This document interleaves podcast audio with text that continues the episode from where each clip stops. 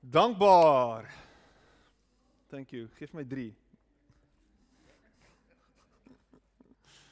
For real. Ehm um, ja, is dit nie 'n fantastiese dag nie, nê? Dit was nie so 'n bietjie van 'n lekker naweek gehad tot dusver nie. Ons het gister ehm um, 'n partytjie gehou en daar was ek was ons was by meer as een partytjie gewees en met die tweede partytjie het dit nou buite in die in die parkie en toe val daar druppels en toe bid ons dat dit nie reën nie asseblief. so as dit nie weer reën nie dan is dit ons skuld. Ons is jammer. Maar ehm um, wat 'n wonderlike dag, wat 'n wonderlike naweek was dit nie gewees nie. En ehm um, ja, ons het ons het soveel om dankbaar voor te wees, né? Nee? So ek dink dit is ons ingesteldheid, is daai dankbaarheid. En, nou, en ek sê dit van die kansel af en ons is heeltyd besig om grappies te maak daaroor hoe gaan dit met jou dankbaar. Maar ek meen wees bewus van dit, né? Nee? Wees teenwoordig om om om om net bietjie te dink aan jou eie lewe en waar jy jouself bevind en wat die Here vir jou doen en wat jy het en wat hy ontvang het uit sy hand uit en um en en wees dankbaar daarvoor. Ek dink dit is belangrik om om dankbaar te wees, om met 'n sin vir dankbaarheid te leef. Nie die ingesteldheid. Of jy kan bitter wees en jy kan negatief wees en sinies wees en um heeltyd besig om te kyk na alles wat sleg is. En um daar's genoeg wat sleg is, né? Nee? Daar's genoeg wat sleg is. Vaderland in ons land. Daar's genoeg wat sleg is. So ek meen heerlikheid. Daar's genoeg om op te fokus wat sleg is, maar kies om eerder te fokus op dit wat goed is. En dit wat mooi is en dit wat reg is. En ek dink wat die Here dan doen is dan dan vat hy jou en hy maak jou hy maak jou uitkyk op die lewe net soveel beter. Net soveel beter. So, wat gaan aan in jou lewe op die oomblik? Wat is dit waardeur jy gaan? Wat is dit wat jy beleef tans? Wat is daai daai kwessies waarmee jy worstel op die oomblik? Is daar goed in jou lewe wat as jy moet dink daaroor en dink jy, dit maak my sommer maak my sommer lam. Ja, ons almal gaan deur sulke goed. Ons almal gaan deur sulke goed. Ek praat nou die dag weer met iemand en en ek vra hom, "Hoe gaan dit met jou?" "Altyd goed." Sê ek, "Wow." He's the king of denial. En is nie 'n rivier nie. So ek meen en en miskien is dit 'n positiewe ingesteldheid wat sê dit gaan altyd goed, maar dit gaan nie altyd goed nie. Dit gaan baie keer gaan dit sleg. En dit kan beter gaan kan beter gaan. Ons worstel baie keer met hierdie goed wat deur ons gaan, né? Ons eh, hoekom is die PowerPoint nog nie op nie? Ek dank jou. Dit is my preek. So ehm um, so ons worstel met 'n klomp goed en ons en ons struggle met hierdie goed en ons gaan deur goed en En ons en ons soek baie keer antwoorde van hoekom ons deur hierdie goed gaan. En as hierdie hierdie storie in in in in in een van die evangelies dan dan kom die die disippels by by Jesus aan en dan vra hulle Here, wie se sonde is dit nou wat hierdie man blind gemaak het? Wie se sonde was dit? Was dit sy sonde of was dit sy ouers se sonde gewees? En dan dan dan antwoord Jesus nie die vrae soos wat hulle gehoop het hy dit gaan antwoord nie. Want ons soek altyd 'n sondebok. Ons soek 'n rede. Ons soek 'n verstaan, nê? Nee? Jy gaan deur 'n tawwe tyd en dan dink jy, "Ah, okay, dis hoekom." Hier is die rede. Dis omdat ek droog gemaak het daar. En nou, nou straf die Here ons, nê? Nee. Soos wat baie keer gebeur. Ons is ons is heeltyd besig met hierdie as ek dit doen, dan gaan ek dit kry. As as as ek as ek hierdie ding aanvang, dan gaan ek hierdie uitkoms kry. Dis altyd this then that. En en Jesus sien dit nie so nie.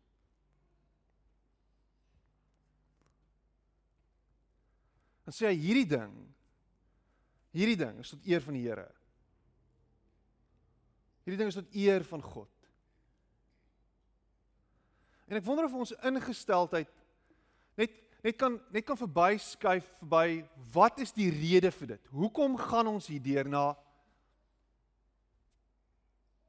Hierdie is tot eer van die Here. Hierdie is tot eer van die Here. Dis 'n ander ingesteldheid. Dis 'n dis 'n 'n oog wat geset is op God. Die onsigbare. Dis soos Paulus sê in 1 Korintiërs 13, hè, ons ken 1 Korintiërs 13 en ek preek altyd daaroor as ek mense trou. Gaan oor die liefde. Maar hier in die middel van die hoofstuk dan raak hy so bietjie dan raak hy so bietjie, "O, oh, hierdie ferie." Dan sê hy ons kyk nou in 'n spieël en in 'n raaisel. Ons verstaan nie nou al die redes nie. Ons kan nie sin maak van al hierdie goed nie. En as jy daar op daai op daai op daai pad gaan wees op hierdie roete van o, oh, ontdek, kom ons probeer, kom ons doen dit, kom ons doen dat, kom ons dryf die duiwel uit, kom ons soek die bloedlyn vloek en ons soek daai ding iewers by my oupa wat 'n vrymesselaar was en o, oh, daar sit. Daar sit en ons bestraf die duiwel en my oupa wat lankal dood is. Dis definitief dit. Definitief dit. Ek sê vir jou een ding, is eintlik omdat jou oupa vir die blou bulle geskree het. Dis hoekom. Daar's die rede. Gaan dink daaroor. Ek lê dit nou uit vir jou.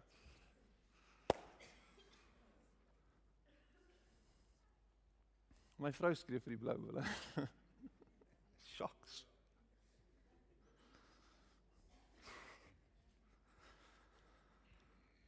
Ons kyk in 'n spieël en 'n raaisel en ons verstaan nie regtig nie, maar eendag sal ons verstaan. Eendag sal alles vir ons duidelik word. Eendag sal alles vir ons uitgebeeld word. Eendag sal sal dinge vir ons uitstaan en gaan gaan die Here vir ons sê dis hoekom dit gebeur het. Okay, maar tot dan, wat hou dan? Wat is dan aan die gang? Wat is dan aan die gang? Tot dan en tot wanneer dit vir ons ontbloot word en vir ons gewys word, dan staan daar drie goed en dit bly staan en dit gaan nooit verander nie. Dis geloof, hoop en liefde. Né? Nee? En dan sê die die die grootste van hierdie goeders is die liefde. So wees onwankelbaar in liefde. Hy sê dis belangriker selfs as jou geloof en asof die en en en en die hoop wat jy het vir die toekoms. En en en liefde is hierdie ding en en bly by my. Stay with me, okay? Liefde is hierdie ding wat nie eendag is nie. Ek gaan eendag vir my kinders lief wees. Ek gaan eendag liewer vir my vrou wees. Jy weet ek gaan eendag, eendag, eendag, ek is op pad daartoe. Hoop is ek sien dit daar dat dat dinge beter gaan uitkom en beter gaan uitdra. Geloof is om 'n vaste vertroue te hê in goeie wat ek nie kan sien nie en dis dis 'n bietjie eriferie, maar maar Paulus sê hy hy bring dit huis toe, hy bring dit aarde toe, hy maak dit hy ground dit. Hy sê die enigste ding wat nou wat wat wat belangrik is en die belangrikste ding van alles is liefde. Want dis present. Dis in die moment. Dis in die oomblik. So wat kan jy doen as jy struggle om te glo? As jy struggle met met met met jou twyfel, as jy struggle om om om om om vas te hou aan hierdie hoop, wat kan jy doen? Jy kan lief hê. Jy kan lief wees. En ek wil iets byvoeg. Jy kan weet dat jy geliefd is. Dat liefde vir jou sal bly staan. Dis wat Paulus ook sê. Dit sal nooit ophou nie. So worstel met die hoekom, ja, gaan aan en vra vra en woe en huil en blameer die blou bulle en die vrymesselaars. Maar weet dit.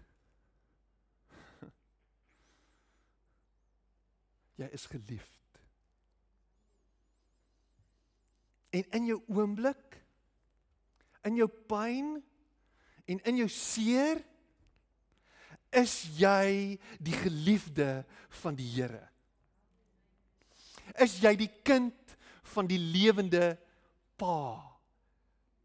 Die Vader, die ewige een die groot skepper. Jy's sy kind. So in daai pyn en in daai seer weet dit. Hy hou jou vas. Hy los jou nie. Hoe's daai? Ek hou van dit. Ek like dit. Dit gee my sommer hoop.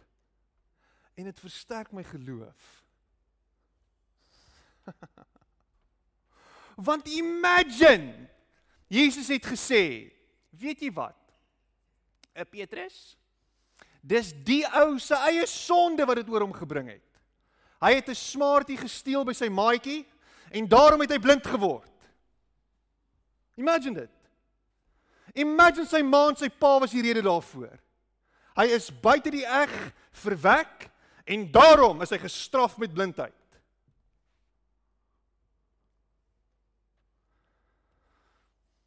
Ek het in die week toe luister ek net 'n bietjie na een van my preke so 2 weke terug.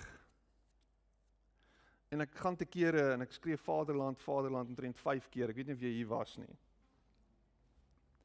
En hierdie moment is nou weer een van daai moments waar ek Vaderland wil uitskree op die toppunt van my stem. Want mense wat 'n beeld het van God wat ons heeltyd wil straf en ons wil seermaak omdat ons gefouteer het, het 'n verwronge beeld van God. Trouwens, jy het nie 'n beeld van God nie. Jy het 'n beeld van een of ander god, 'n afgod, 'n skynsel. 'n Drogbeeld, laat daai woord. 'n Beeld verwek deur afprons. Blaai saam met my na Markus 8 vers 31 tot 38 toe.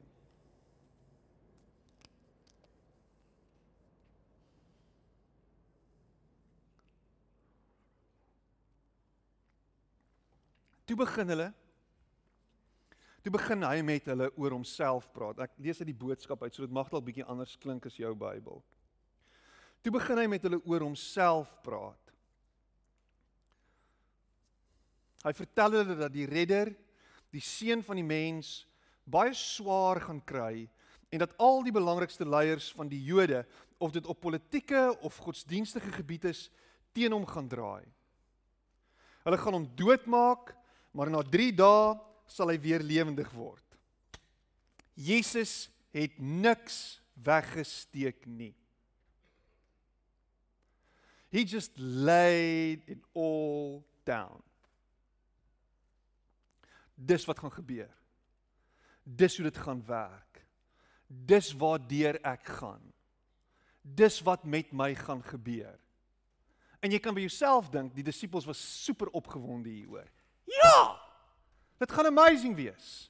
Die een wat ons volg, die een waarvoor ons ons lewe gegee het, die een wat ons agterna volg, wat ons alles voor gelos het, hy gaan binnekort doodgaan. Ons kan nie wag nie. Dit gaan amazing wees. Nee. Hulle was devastated. En die uitgesproke een van die lot, die die heethoof Petrus, skree Vaderland. Hulle gaan hom doodmaak, maar na 3 dae sal hy weer lewendig word. En Jesus het niks weggesteek nie. Petrus gaan staan toe eenkant met Jesus en sê vir hom: "Kom net hier so asseblief, ons net gou gesels dat hy nie so moet praat nie. Moet asseblief nie so praat nie. Waarmee is jy besig? Waarmee is jy besig hier?"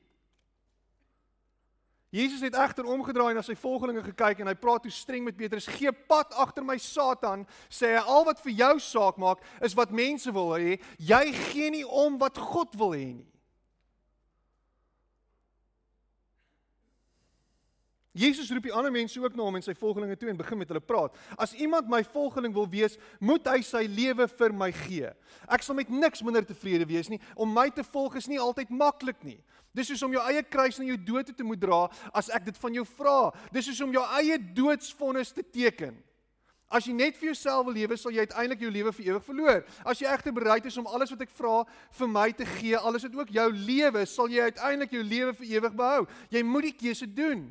Maar vra eers vir jouself die volgende vraag: Wat help dit as al die skatte in die wêreld joune is, maar daar is nie vir jou plek by God nie? 'n Mens kan nie vir jou 'n plek by God koop met al die geld in die wêreld nie. As iemand hom vir my of my boodskap skaam vir hierdie klomp goddelose slegte mense in die wêreld, sal ek my vir daardie persoon skaam wanneer ek by my wonderlike groot Vader met al sy engeling is. En Jesus is besig om vir ons 'n beeld te skep van wat dit beteken om 'n volgeling van hom te wees. Dit is nie maanskyn en rose nie. Dit is nie 'n ah, ongelooflike ervaring nie.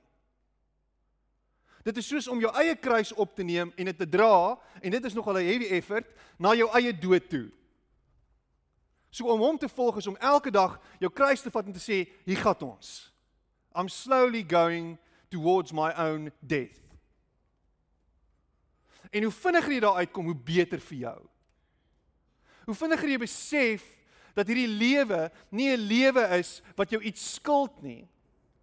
Dat hierdie lewe nie 'n lewe is van net maanskyn en rose nie en om Jesus te volg hierdie amazing ervaring is van glo en dit sal gebeur nie. Hoe beter. Jy sien dit is wat baie van hierdie valse profete en predikers wat op die TV verskyn dit verkeerd het. En ek sê nie almal van hulle is nie, maar baie van hulle is. Want al wat hulle vir jou sê is jy kan in oorwinning leef as jy dit en dit en dit en dit doen. En dan conveniently vergeet hulle iets soos dit. Waar Jesus sê om my te volg is om jou kruis op te neem en elke dag stadig na jou dood toe te loop.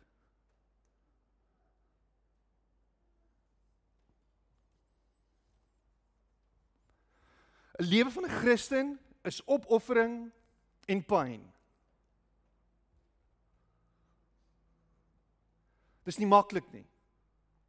Dis 'n worsteling. Dis 'n sparteling. Dis 'n neerlê van jouself. Dis om elke dag dit wat met jou gebeur het wat onregverdig is, vierkant in die oë te kyk en te sê I'm letting go. Ek vergewe jou wat my seer gemaak het. Wat my te nagekom het. Ek kies om nie bitter te wees nie. En miskien is die een teen wie jy bitterheid koester, is dit die Here en jy moet laat gaan daarvan. Want jy's besig om jouself te vernietig. Want wat jy doen is jy's besig om jou hoop, jou hoop en al jou drome en alles wat jy aan kan dink te vestig op dit wat jy kan sien en dit wat jy het. Ek wil tog net cozy wees. Ek wil tog net hê dit moet lekker gaan. Alles moet amazing wees. Ek wil hierdie ervaring sê. Ek wil geld hê. Ek wil rykdom hê. Ek wil ek wil ek wil 'n gemaklike lewe hê. Ek wil fiber hê. Asseblief, kan iemand net fiber by Boston gaan insit? Dis al wat ek soek, net fiber. Net fiber. Ek wil 'n groter TV, 'n movie se TV. Ek wil 'n ander kar hê, 'n ander kar met aircon asseblief. Ek wil dit hê, ek wil ek wil net asseblief en ek sê nou die dag vir my vrou kan ons nie net Wel eerstens moet ons begin om die lotto te speel. Okay, maar ons gaan nou. Ons gaan nou begin. Ons gaan nou voluit gaan, voluit. Maar julle salaris vat en gaan net jare se lotto kaartjies koop. Want ek wil iemand hê wat voltyds vir my kos maak. So. Ja, ja. Maar jy het klaar vrou, sy maak voltyds kos. Nee, ek praat van 'n kok. Ek praat van iemand soos Gordon Ramsay. Ek praat van 'n ou wat my wat my hele kombuis kan beheer. Waar daar instap en hy maak dit amazing kos. En wat my oor die vingers tik en my slaan met 'n piksteel as ek naby chips en allerlei sulke goed kom. En wat net deeltyd vir my alles, dis wat ek wil hê. Okay, maar ek is nou besig om van die punt af te dryf. Kan jy dit sien?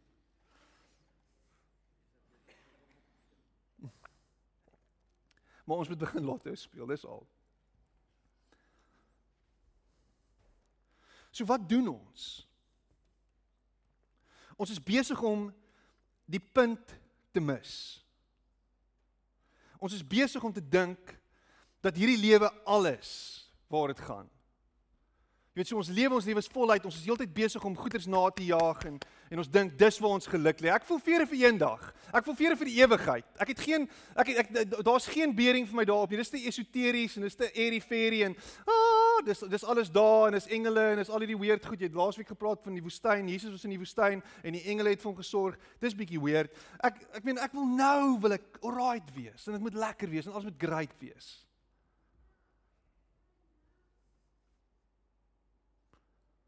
Maar dit is asof God Nou ons kyk en sê ek wil jou net weer herinner daaraan dat dit is nie hoe die lewe werk nie. En ek gaan vir jou wys en ek gaan vir jou modelleer hoe dit werk. En Jesus se lewe is een groot prentjie van ongeregtigheid en onregverdigheid en pyn en seer.